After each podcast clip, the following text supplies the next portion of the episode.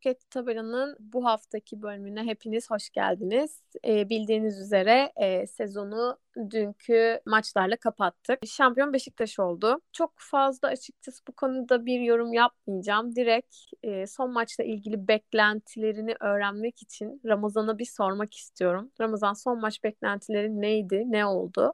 Ramazan 6 bekliyordu.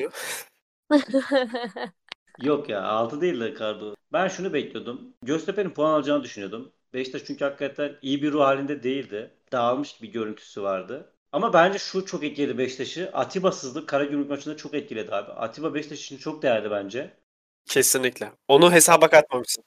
Aynen ben onu unuttum. Atiba'nın olması onları çok rahatlattı. Galatasaray'dan 6 gol falan beklemiyordum abi. Ben Galatasaray'ın averaj yapacağını düşünmüyordum. Göztepe puan alırsa Beşiktaş'tan biz şampiyon olacağımızı düşündüm. Buna yükselmiştim.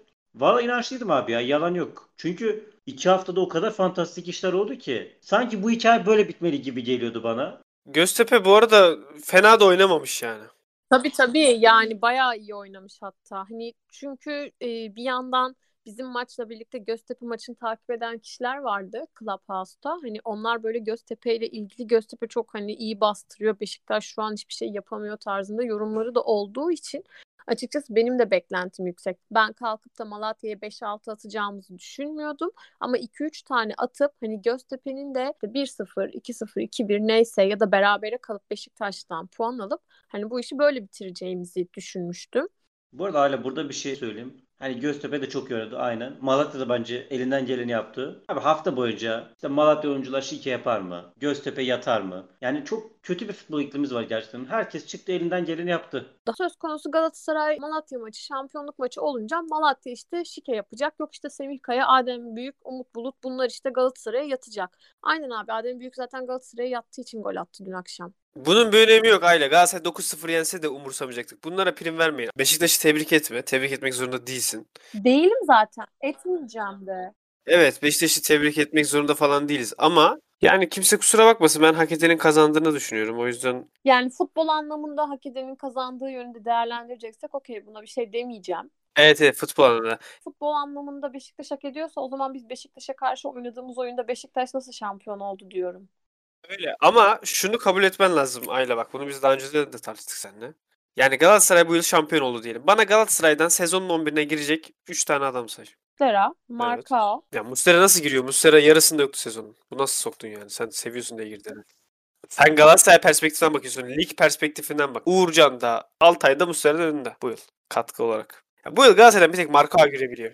Bak daha fazla oynadıkları için böyle düşünüyorsun. E herhalde ama bu zaten böyledir ki NBA'de de Ama böyledir. sen diyorsun ki Galatasaray'dan 3 tane oyuncu, e, Galatasaray'dan 3 tane oyuncuyu koy dersen ben de genel olarak bir performansına baktığımda oyuncuların Muslera'nın ikinci yarı başladığı performansı ilk yarıdaki Okan'ın performansından, Fatih'in performansından daha iyi olduğu için ilk sıraya yazarım diyorum.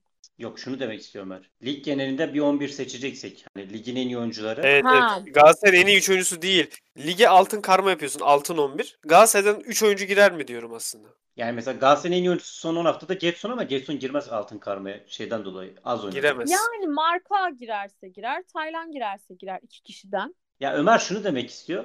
Galatasaray'da e, ligin en iyi 11 oyuncusunda sadece Marka var düzenli oynadığı için. Bir de Taylan tartışma içerisinde olur. Beşiktaş'tan 4 oyuncu net aday. Hatta 5 bence. E olur. Hani Evet yani bunu şu yüzden dedim ben. yani Raşit Gezal, Rozier, Abubakar, Joseph net aday. Bir de bence Larin de sol kanat için bir tartışma ögesi olur yani. 13 gol beklense 19 gol çıkarmış. Bu inanılmaz bir şey. Ya bunu şöyle düşünün. Ben Türkiye Ligi'ni takip ettiğimden beri herhangi bir şampiyonun lig karmasına bir oyuncu soktuğunu görmedim mesela. Fenerbahçe için de aynısı geçerli. Fenerbahçe de berbat. E tabii Fenerbahçe de nereden nereye geldi? Üçüncülüğe geldi yani e, lig düşer, yani küme düşer diye açıkçası dalga geçiyorduk. Aile yok artık. Beklentin o muydu Fenerbahçe'den küme düşmesi? Geçen yıl geçen yılı diyor ya. Neden olmasın? Güzel olabilirdi. Buraya çok dağıttık. Ömer sen de maçla alakalı bir şeyler söyle istersen. Notun varsa. Ya benim maçla ilgili bir notum falan yok. Galatasaray şampiyonluğu 6-7 hafta önce verdi zaten. Trabzon maçındaki sahadaki de Galatasaray hiçbir şekilde şampiyonluğa oynamayan bir takım görüntüsündeydi. Hiç domine edemedi o maçı. Yani o Trabzon maçındaki görüntüyle Beşiktaş maçındaki görüntü arasında uçurum var. Zaten şöyle bir şey. Bir hafta A takım bize çok güzel şeyler izletti deyip öbür hafta yerlerde şeyler izledik. Hiçbir zaman Galatasaray öyle dominant, böyle yakıp yakalayıp vuracak bir oyun oynamadı. Ben Denizli'ye 6 atar derim. Bu Malatya bile atar derdin. Bu arada bir şey bence Malatya maçında da ne olursa olsun 30 şut çektik. Çok kaçırdık. Bu sene kesinlikle yakaladığımızın yani yarısını bile atamadık. Twitter'da Bilardissimo bizim Ege paylaşmış. Beşiktaş ve Galatasaray'ın hücum oyuncularının bitiricilikle alakalı. Galatasaray'da sanırım yanlış hatırlamıyorsam Mustafa Muhammed ve Babel dışında girdiği gol beklentisinden herkes daha düşük gol atmış. Halil mesela 4.5 gol beklentisinden 3 gol. Falcao da yukarıda. Falcao da yukarıda. Çok kısa ama Falcao ile Babel çok yakın zaten. 6.5 beklenti varsa 7.60. O zaman buradan bir soru sormak istiyorum. Tamamen e, spontane gelişen bir şey. Son 5-6 hafta öncesine kadar Babel baktığınızda herkesin işte niye 11'de adam koşamıyor yok böyle yok böyle dediği bir oyuncuyken son 5-6 haftayı göz önünde bulundurduğumuzda dün akşam çoğu kişinin sosyal medyada şu şekilde tweetlerini gördüm. Babel hani ben senden yana hani razıyım kardeşim tarzında. Bu konuyla ilgili ne sözlükte de düşünüyorsun? çok vardı. Valla onu ben özel konuşmayı düşünüyordum son birkaç dakika. Girdim artık konuya. Konuş Ramazan. Valla şöyle ben Babel'e zamanında çok söyledim. Kendisinden özür dilerim. Çok gamsız geliyordu bana. Abi dünkü Babel ne hayal ettiriyorsa onu yaptı gerçekten. Yani Babel'in şu andaki haliyle yapabileceği iki tane çok iyi şey var. Bir, atılan uzun topları indirmek. İki de dribling.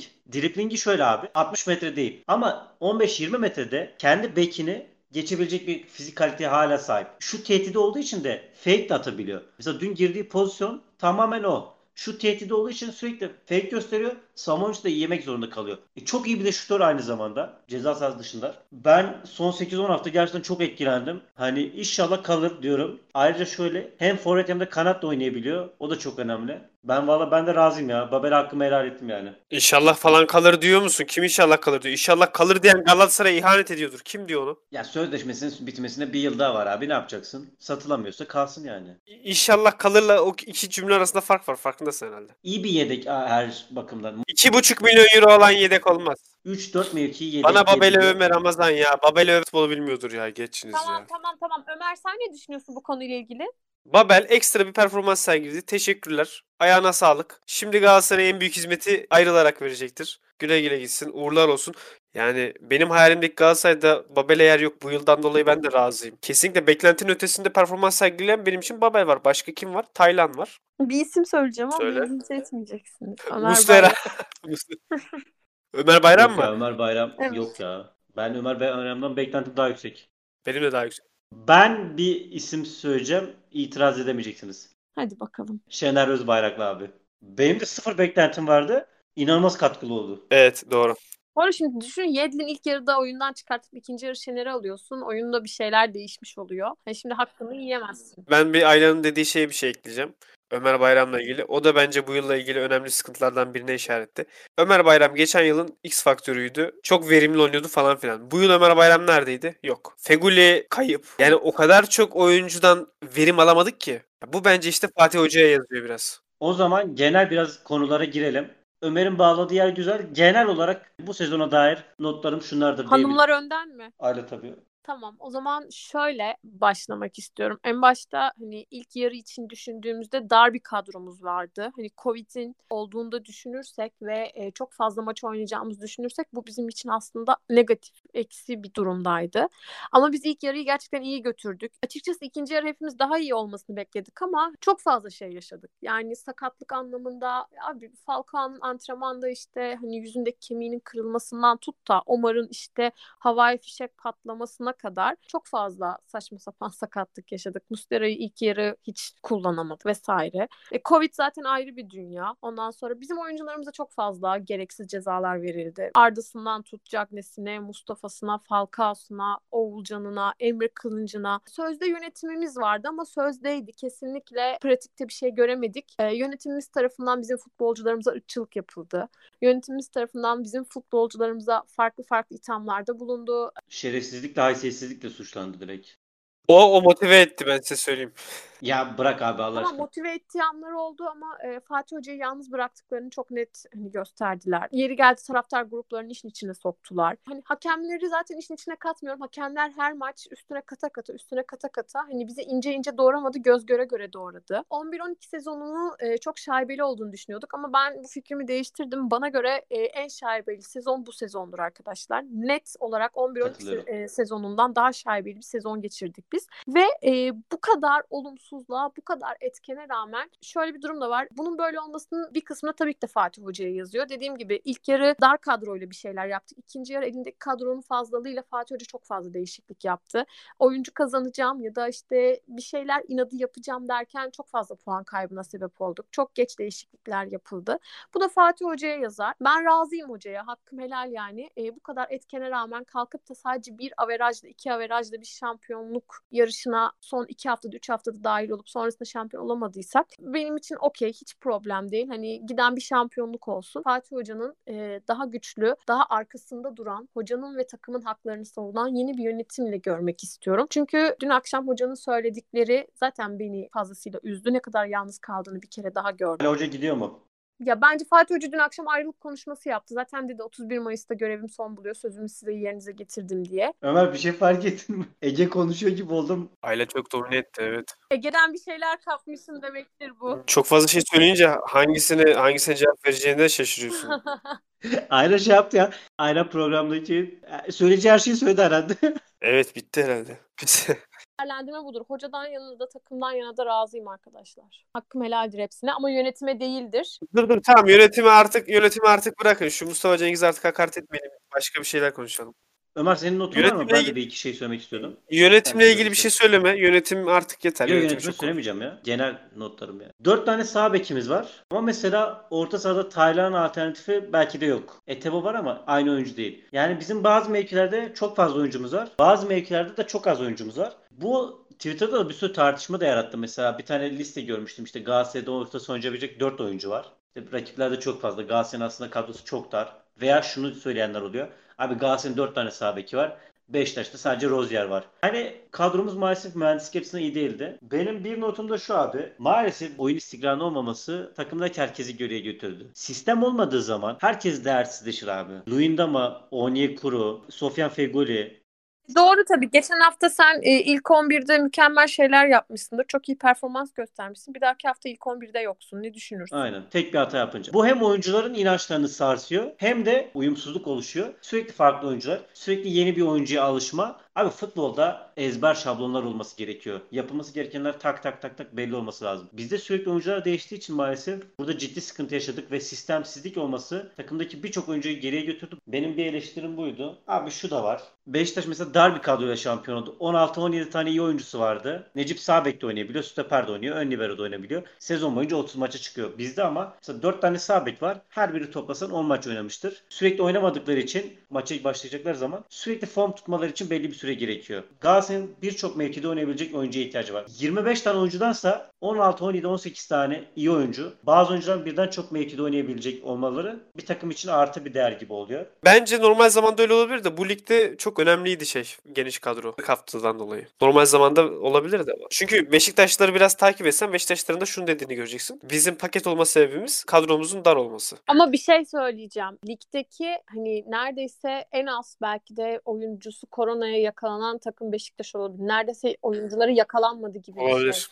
E ben sana şunu söyleyeyim. Beşiktaş Beşiktaş zaten o kadar şanslı ki Beşiktaş bu yılın başında bir kumar oynadı. Hem de büyük bir kumar oynadı. Abu Bakar da kumardı. Joseph de kumardı. E, Larin neydi belirsiz bir adamdı. Bütün kumarlar tuttu. Yani Raşit Gezal benim son 5-6 yılda gördüğüm en dominant performans sergiledi. Yani şans da var. Yani bu Gezal neymiş abi? Bu Gezal öyle bir şey oynadı ki. Buraya nasıl düştü diyorsun. Gezal geldiği zaman ben hatırlıyorum Beşiktaş'ta ben hep takip ediyorum. Sergen Yalçın komisyoncu dedikoduları vardı ilk 5 hafta. Bu Gezzal'ı Mezzal'ı getiren adamlar hep aynı adamlar. Menajerler hep aynı. Bu hatta tutuklanan menajer bu. Sergen Yalçın'ın kendi ekibi var. Komisyon mu yiyor dedikoduları vardı. Yani Rozier, Mozier nasıl bu kadar hepsi tuttu? İnanılır gibi değil. Beşiktaş inanılmaz şanslıydı bu yıl. İnanılmaz. Benim genel notlarım bu Ömer sen var mı? Yani ben istatistiklere baktım sezonla ilgili. Bu yıl Galatasaray maç başına gol ortalaması 2. Bu gol ortalaması Galatasaray'ın Fatih Terim'in ilk geldiği yıl, şampiyon yaptığı yıl 2.2 iyiymiş. Bir sonraki yıl 2.1'miş. Bu istatistiğe de şu yüzden baktım. Galatasaray bu yıl hiçbir maçta bana şey hissini vermedi çünkü. Yakaladığı zaman indirecek. Daha çok vuracak. 3 olduğu zaman 4 olacak. Şimdi eskiden Fatih Terim'in ilk 2 yılında da Galatasaray içeride 1-0 2-0 olduktan sonra maç 4'e 5'e giderdi. O inancımız da vardı bizim. Bu yılki Galatasaray'da 0. Zaten onunla ilişkili olarak da son haftalarda averaj yapamadık. Dahası Galatasaray ortalaması şampiyon olduğu yıllardaki gibi olsaydı Galatasaray şampiyon olmuştu. İlk şampiyon olan Galatasaray 75 puanlı oluyor. İkinci şampiyonluk 2.1 gol attığı yıl 69 olması lazım. E, gittikçe puan da düşüyor. Oyun gücü de düşüyor. E, bu yılda artık oyun gücü tamamen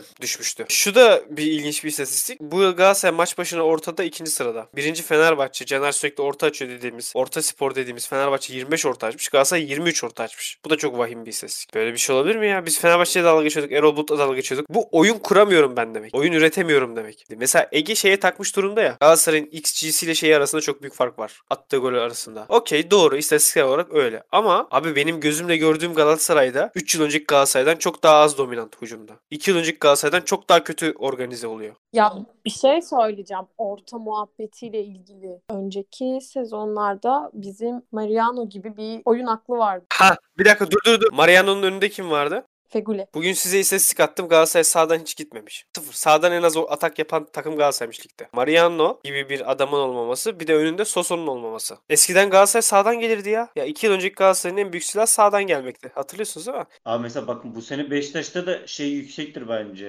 Sağdan gelmesi. Biraz da şu öyle oluyor. Gezzal'da mesela biraz içeri içeride konumlanıyor. Orada orta sahada sayısal bir üstünlük elde ediyorlar. Rozier için geniş bir alan kalıyor. Birebir kalıyor. Mesela sağ kanada çok inmişlerdir yani sağ tarafta. İstatistiğe bakmadım ama. Tabii tabii. Galatasaray'da da benzer bir durum vardı Ömer'in dediğine. Sosu içeride konumlandığı için sayısal bir üstünlük oluyor. Hem oyun gücünü arttırıyorsun. Hem Mariano da orada birebir kaldığı zaman zaten kalmasına da gerek yok. Çok akıllı bindirme yaptığı zaman Galatasaray hakikaten sağdan çok fazla hücum üretiyordu. Ya yok Galatasaray'ın bu maç başının ortasının bu kadar yüksek çıkması muhtemelen şu bu arada. Galatasaray geriye düştüğü maçlarda hiçbir şey üretemeyip ileriye forvetleri dayayıp saçma sapan ortalar açmaya başlıyordu. Muhtemelen o yüzden bu şişti. Yoksa maç 0-0 iken bu kadar orta açmıyor Galatasaray. Doğru bence de. Yani Galatasaray açıkçası Ramazan sen hangi maçta hatırlarsın? Ee, geriye düştüğü, düşüp de kazandığı ilk maç son 7 haftada mı ne geldi herhalde? Göztepe. Yani bir takım geriye düştüğü maçları kazanamıyorsa bu ne demek? Aslında o takımın hiç de güçlü bir oyunun olmadığını. Yani hem karakter hem de oyun karakteri olarak. Yani hem oyuncuların mental karakteri hem de oyun karakteri olarak güçlü bir oyun olmadığının göstergesidir.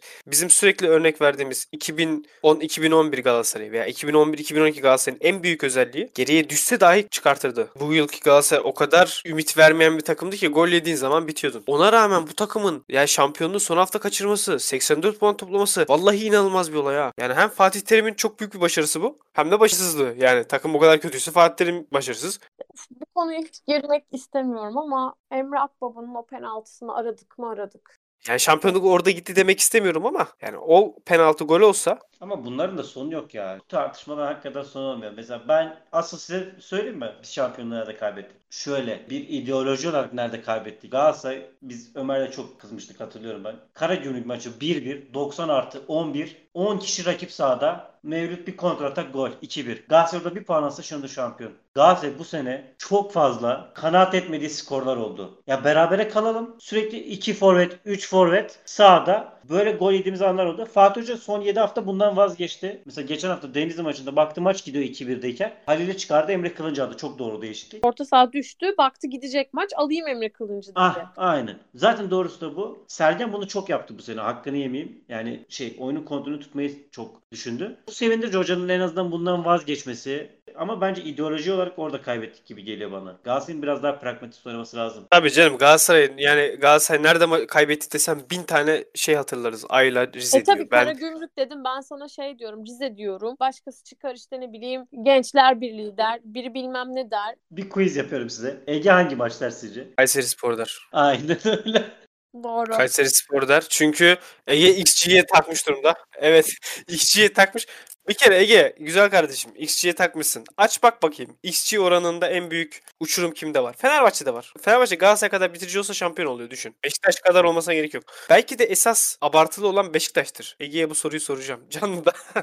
yani Beşiktaş inanılmaz bir şey yapmış. Girdiği pozisyona karşılık attığı gol sayısı inanılmaz yani bizimkilerle kıyasla. Ya bizimki bizimki Fener'le kıyaslayınca çok süper. Fener daha da rezil durumda. Abi bizde Emlak Baba dışında bir de Halil ikisi beceriksiz. Bu ikisi dışında böyle ah vah falan dediğin çok yok bence. Ya benim aklımda kalan. Ufak bir şey söyleyeceğim. Örnek verdiğimiz maçlar oldu ya. De son dakika şu olsaydı, bu olsaydı, şunu yemeseydik, bunu atsaydık ya da işte şöyle olsaydı. Abi bir şeyi biliyorsam, biliyorsunuz ki en baştan beri de ben bunu çok eleştirdim Belhanda'yı. Eleştirdiğim kadar bildiğim bir şey varsa Belhanda gitti ten sonraki son dakika berabere kaldığımız ya da son dakika kaybettiğimiz maçlarda Belhanda olsaydı biz şu an hanemizde kesinlikle artı 3 artı 4 puan fazla olacaktı. Doğru. Hatta geçen Ramazan'ın güzel bir tespiti vardı. Galatasaray'ın bu yıl 6 attığı iki maç var. İkisinin de bir ortak özelliği var. Yunus Belhanda abi. Tesadüf mü? Değildir abi olamaz yani. Hayır senin gönlüne susabilecek bir açıklık, insight bilgi aldım. Belhanda seneye de Galatasaray'da arkadaşlar inşallah. Deyip kapatıyoruz. Kapattık.